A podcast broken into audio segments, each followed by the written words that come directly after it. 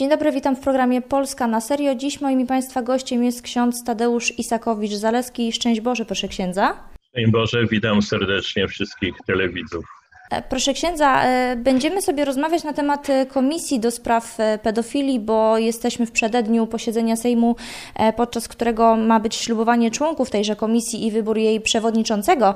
No i kandydatura księdza do tej komisji, do Komisji do Spraw Pedofilii została zgłoszona przez klub PSL i koło Konfederacji, jednak większość klubu Prawa i Sprawiedliwości zagłosowała przeciwko tej kandydaturze. I to, co jest znamienne w tej sprawie, to to, że Prawo i Sprawiedliwość głosowało tak samo jak Platforma Obywatelska i e, Lewica. Mm, takie działanie wywołało ogromne zaskoczenie wśród większości komentatorów. E, a jak e, ksiądz odbiera takie działanie? Jest ksiądz zaskoczony? Jestem zaskoczony, ale całkiem czymś innym, dlatego że ja się nie prosiłem do tej komisji. Zajmuję się tymi sprawami E, nie tylko pedofilią w kościele, ale wieloma innymi trudnymi sprawami. Piszę na ten temat książki. I kiedy e, posłowie z trzech różnych ugrupowań zwrócili się do mnie z zapytaniem, czy chciałbym kandydować, ja odpowiedziałem, że e, mogę tylko dlatego, żeby jednak podjąć pewne działania, również ze strony władz państwowych. Y, rozmowy były również z posłami z PiSu, którzy akceptowali tą kandydaturę. Co więcej, 19 czerwca brałem udział w komisji sejmowej, gdzie zadawano pytania. Była to komisja um, Sprawiedliwości i Praw Człowieka. Mhm. Kandydatura została pozytywnie zaopiniowana, nie było żadnych głosów sprzeciwów. Jedyną osobą, która kontrowała, była posłanka lewicy pani e, Joanna e, Scheuring-Wielgus, no, która w ogóle histerycznie reagowała na moją obecność jako człowieka w koloradce, uważając, że w ogóle księża e, nie, nie, powinni być jakby z założenia wykluczeni z, z tego kandydowania. Ale to właśnie lewica wtedy nadawała taki negatywny ton. Później y, pani marszałek Elżbieta Witek przeniosła głosowanie, które miało być 19 czerwca. Nie mhm. wyjaśniła dlaczego, również kandydatom nie powiedziała, co jest powodem. No dzisiaj wiemy, że już były naciski na nią. Natomiast y, po, tuż po wyborach prezydenckich odbyło się posiedzenie Sejmu i rzeczywiście ku zaskoczeniu wielu osób członkowie Prawa i Sprawiedliwości, posłowie bardzo się podzielili, bo jedna trzecia głosowała za, dwie trzecie przeciw.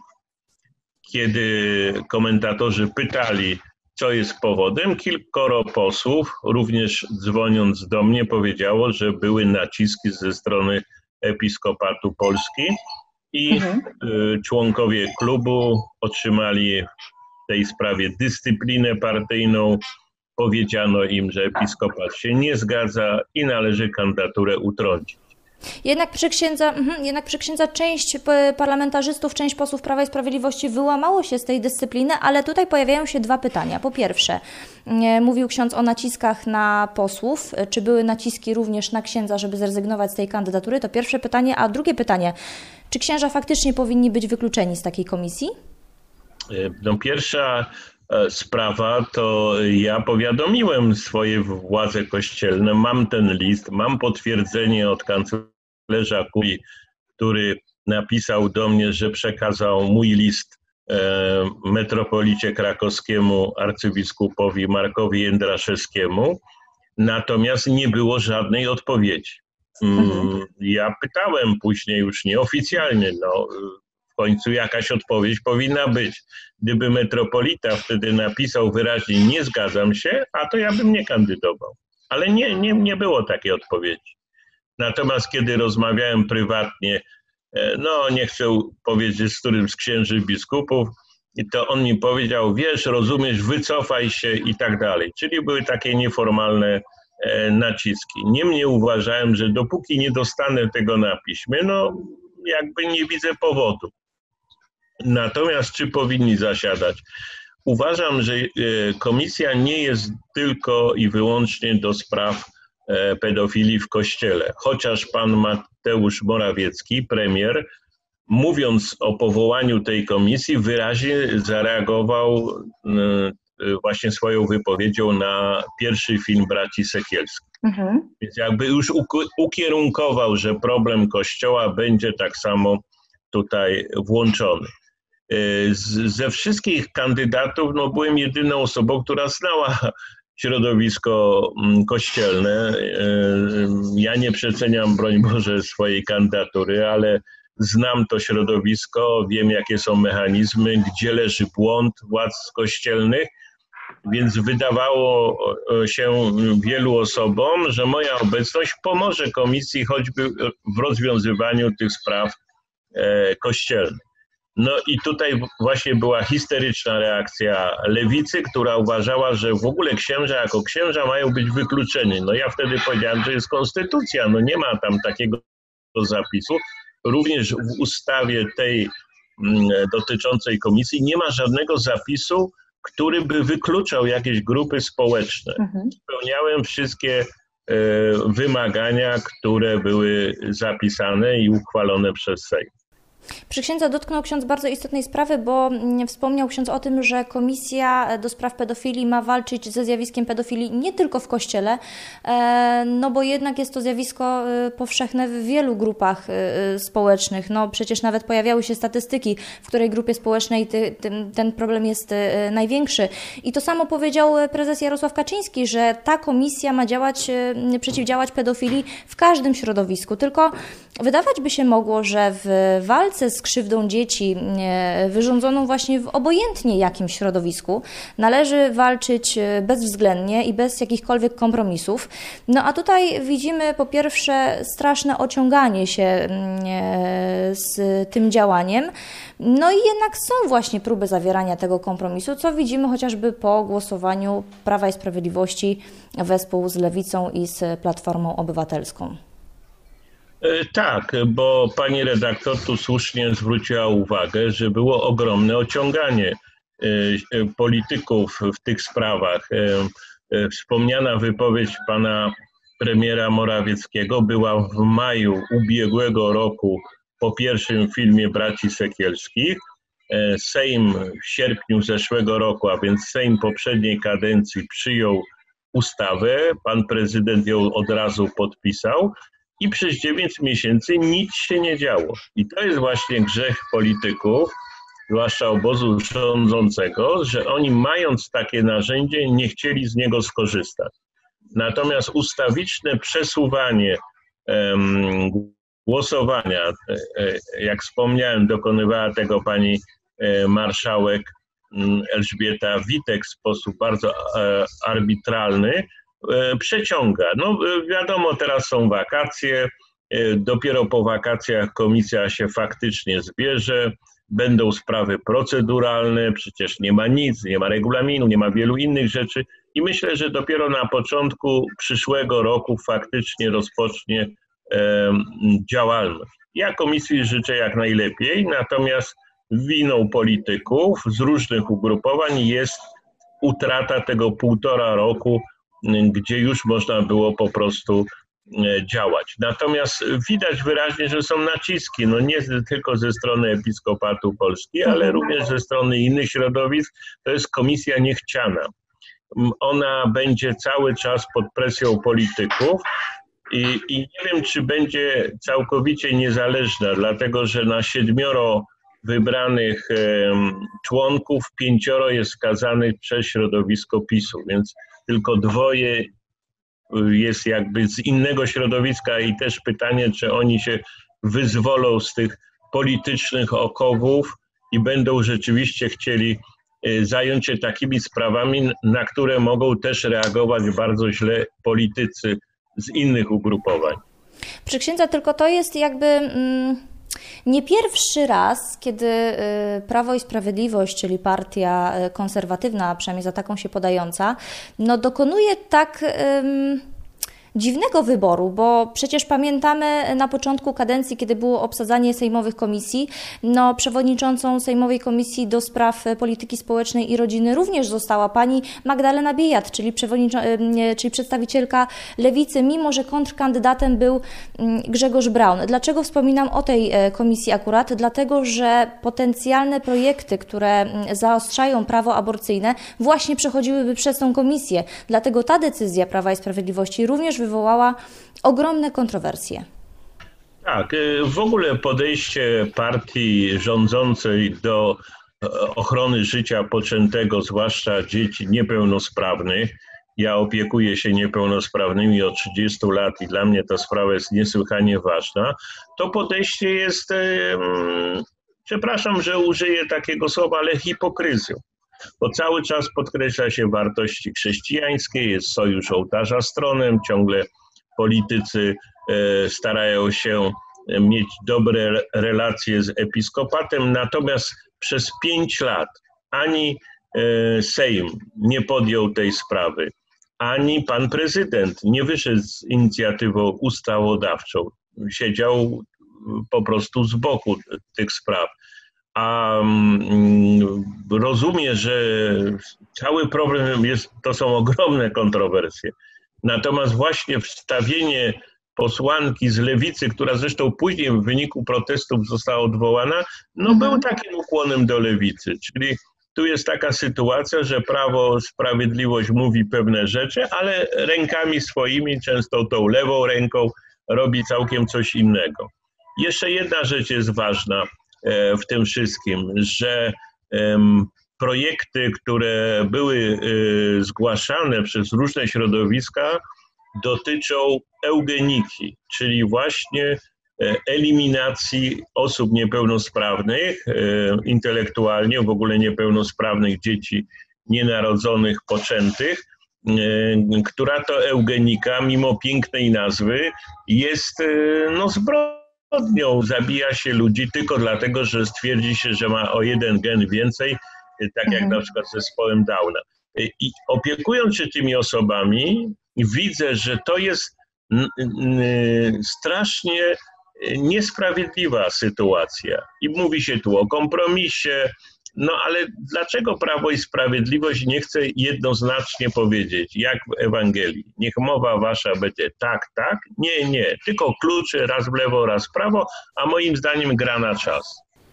Proszę księdza, e, tutaj jakby też e, musimy zaznaczyć jedną bardzo istotną rzecz, że absolutnie nie chodzi o to, żeby w jakikolwiek sposób uderzyć w Kościół jako, jako instytucję czy jako e, wspólnotę, tylko właśnie przeciwnie, chodzi o to, żeby ten Kościół wzmocnić, tym bardziej, że żyjemy teraz w trudnych czasach, w czasach, kiedy ścieramy się z pewną wojną cywilizacyjną, gdzie na naszych oczach ściera się już tak mówiąc górnolotnie dobro ze złem. I właśnie tutaj ta rola Kościoła jest bardzo istotna, szczególnie dla młodych osób, e, które nasiąkają e, wszelkimi ideologiami. Tylko tutaj jak Kościół może być e, autorytetem, albo co należy zrobić, żeby właśnie Kościół był autorytetem dla młodych osób i żeby jednak był silną wspólnotą? Tak, no to jest też bardzo trudny problem. Ja teraz wydałem książkę razem z Tomaszem Terlikowskim pod tytułem Kościół musi być przeźroczysty. To jest w sumie nasza czwarta już książka na ten temat wspólna. E, no są dwa problemy. E, pierwszy w e, nawiązaniu do polityków, Kościół nie może być w sojuszu z ołtarzem. Znaczy ołta, sojusz ołtarza stronem. Nie może być. Dlaczego? Na krótką metę daje to pewne korzyści Kościołowi. Przywileje, albo też święty spokój, pewną ochronę i tak dalej. Natomiast na dłuższą metę, i to widać, widać w historii, na różnych etapach mm, tej historii i w średniowieczu, i w czasach nowożytnych, jeżeli Kościół uzależnił się bardzo mocno od jakiejś grupy politycznej, niezależnie czy to był król, czy partia polityczna, to później tracił bardzo wiele. Również tracił na wiarygodności. I dzisiaj mamy taki klasyczny przykład. Nie tak dawno jeszcze w mojej rodzinnej archidiecezji krakowskiej no był sojusz y, ówczesnego metropolity kardynała Stanisława Dziwisza z, z politykami Platformy Obywatelskiej. bardzo ścisły, no, budzący ogromne kontrowersje. Obecnie w tej samej diecezji jest sojusz z Prawem i Sprawiedliwością, który no, przybiera w pewnych momentach taki kształt, że politycy próbują wpływać na decyzje kościelne, a e, księża biskupi próbują wpływać na polityków. I to jest bardzo złe. I to jest pierwsza sprawa. No musi być Kościół niezależny, która niezależnie jaka jest partia, niezależnie do jakich wartości ona się e, e, odwołuje, ona musi nie mieć wpływu na pewne decyzje. To jest pierwsza sprawa. Druga sprawa, o wiele szersza, to jest oczyszczenie z błędów. Zawsze w każdej wspólnocie były problemy. Ewangelia to opisuje zdradę Judasza, zaparcie się świętego Piotra i tak dalej. Ale Ewangelia pokazuje też drogę do oczyszczenia. I zaniechanie tego oczyszczenia powoduje, że nawet z najpiękniejszej instytucji no, robi się e, coś, co jest e, bardzo mało wiarygodne, co budzi kontrowersje. I tu się nie dziwię, że młodzież ma swoje zastrzeżenia do Kościoła, no bo przecież 15 lat temu była sprawa lustracji. Została zadeptana świadomie przez stronę kościelną. Wybuchają co chwilę skandale, wybuchają różne rzeczy. No trzeba to oczyszczać. I myślę, że Kościół nie tylko, że nie straci, jak będzie oczyszczał, wręcz odwrotnie będzie wiarygodny. I tej wiarygodności tej chwili Kościołowi w Polsce bardzo brakuje. Przy księdze na koniec jeszcze chciałam zapytać, e, no bo e, jesteśmy w drugiej połowie lipca, a 11 lipca obchodziliśmy 77. rocznicę tak zwanej krwawej niedzieli, czyli ludobójstwa na Wołyniu, e, którego dokonali ukraińscy nacjonaliści wobec ludności, wobec obywateli II Rzeczpospolitej. Głównie właśnie to ludobójstwo dotyczyło chłopów, rolników. Jak ksiądz ocenia politykę państwa względem tego wydarzenia i upamiętnienia upamiętniania w ogóle rzezi wołyńskiej? Wywodzę się z tego pokolenia, dla którego Solidarność była bardzo ważna i nauczanie e, również papieża Jana Pawła II i w czasach komunizmu bardzo wyraźnie akcentowano sprawę prawdy i pamięci. Prawda, no bo komuniści kłamali w różnych sprawach, a pamięć dlatego, że wiele ofiar e, z II wojny światowej no nie miała prawa do, do w ogóle swoich pochów.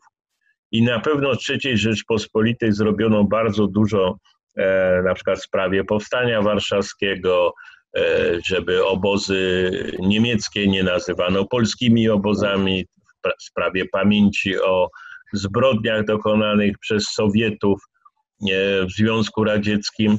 Natomiast jest jedna sprawa, która jest permanentnie przez wszystkie kolejne ugrupowania deptana. To jest sprawa pamięci o ofiarach ukraińskiego ludobójstwa Polaków na Kresach Wschodnich.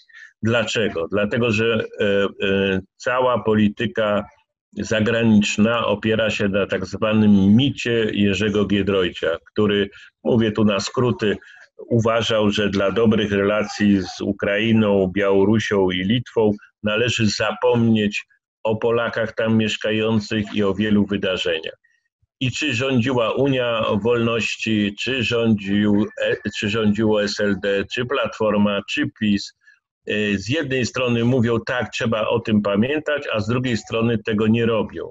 Najlepszy przykład jest taki, że od e, ośmiu lat nie odbywają się żadne pochówki ofiar na Ukrainie, a przez ten czas Polska wspiera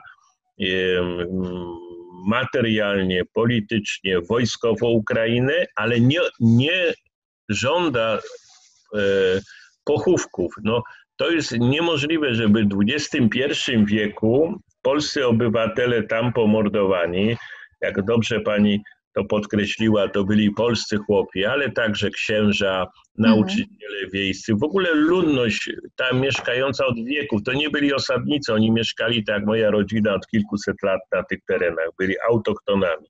I, że, e, I właśnie ci ludzie nie mają e, grobów. Tu nie chodzi nawet o pomniki, tylko żeby zwykły krzyż postawić. I to, co jest smutne, że Kościół katolicki też tego nie robi. Ani w Polsce, ani na Ukrainie. A cerkiew z kolei grecko-katolicka stara się gloryfikować zbrodniarzy. No, nie może tak dalej być. I proszę zauważyć, że w ostatnich latach, poza pustymi, niestety pustymi deklaracjami prawa i sprawiedliwości, nic się nie dzieje. Co z tego, że pani na przykład e, poseł Małgorzata Gosiewska raz do roku powie tak, tak, my chcemy prawdy. Jak ona tego nie robi? No to po co w ogóle te słowa? To jest tylko takie mydlenie oczu. Myślę, że e, dla, właśnie dla dobrych relacji z Ukrainą musi nastąpić wreszcie przełom. Nie mogą się tak wszyscy bać, począwszy od pana prezydenta. Muszą postawić sprawę jasno, e, muszą się domagać tych rzeczy i także dbać o tą pamięć, a nie tylko raz do roku 11 lipca. No właśnie, nie koncentrujmy się na symbolice, ale oczekujmy prawdy historycznej tak naprawdę na każdym froncie, bo potrafimy walczyć o tą prawdę historyczną. Bardzo mm, księdzu dziękuję za dzisiejszy komentarz, za dzisiejszy wywiad. Gościem Studio Polska na serio był ksiądz Tadeusz Isakowicz-Zaleski. Bardzo dziękuję. Dziękuję bardzo serdecznie, pozdrawiam. Szczęść Boże.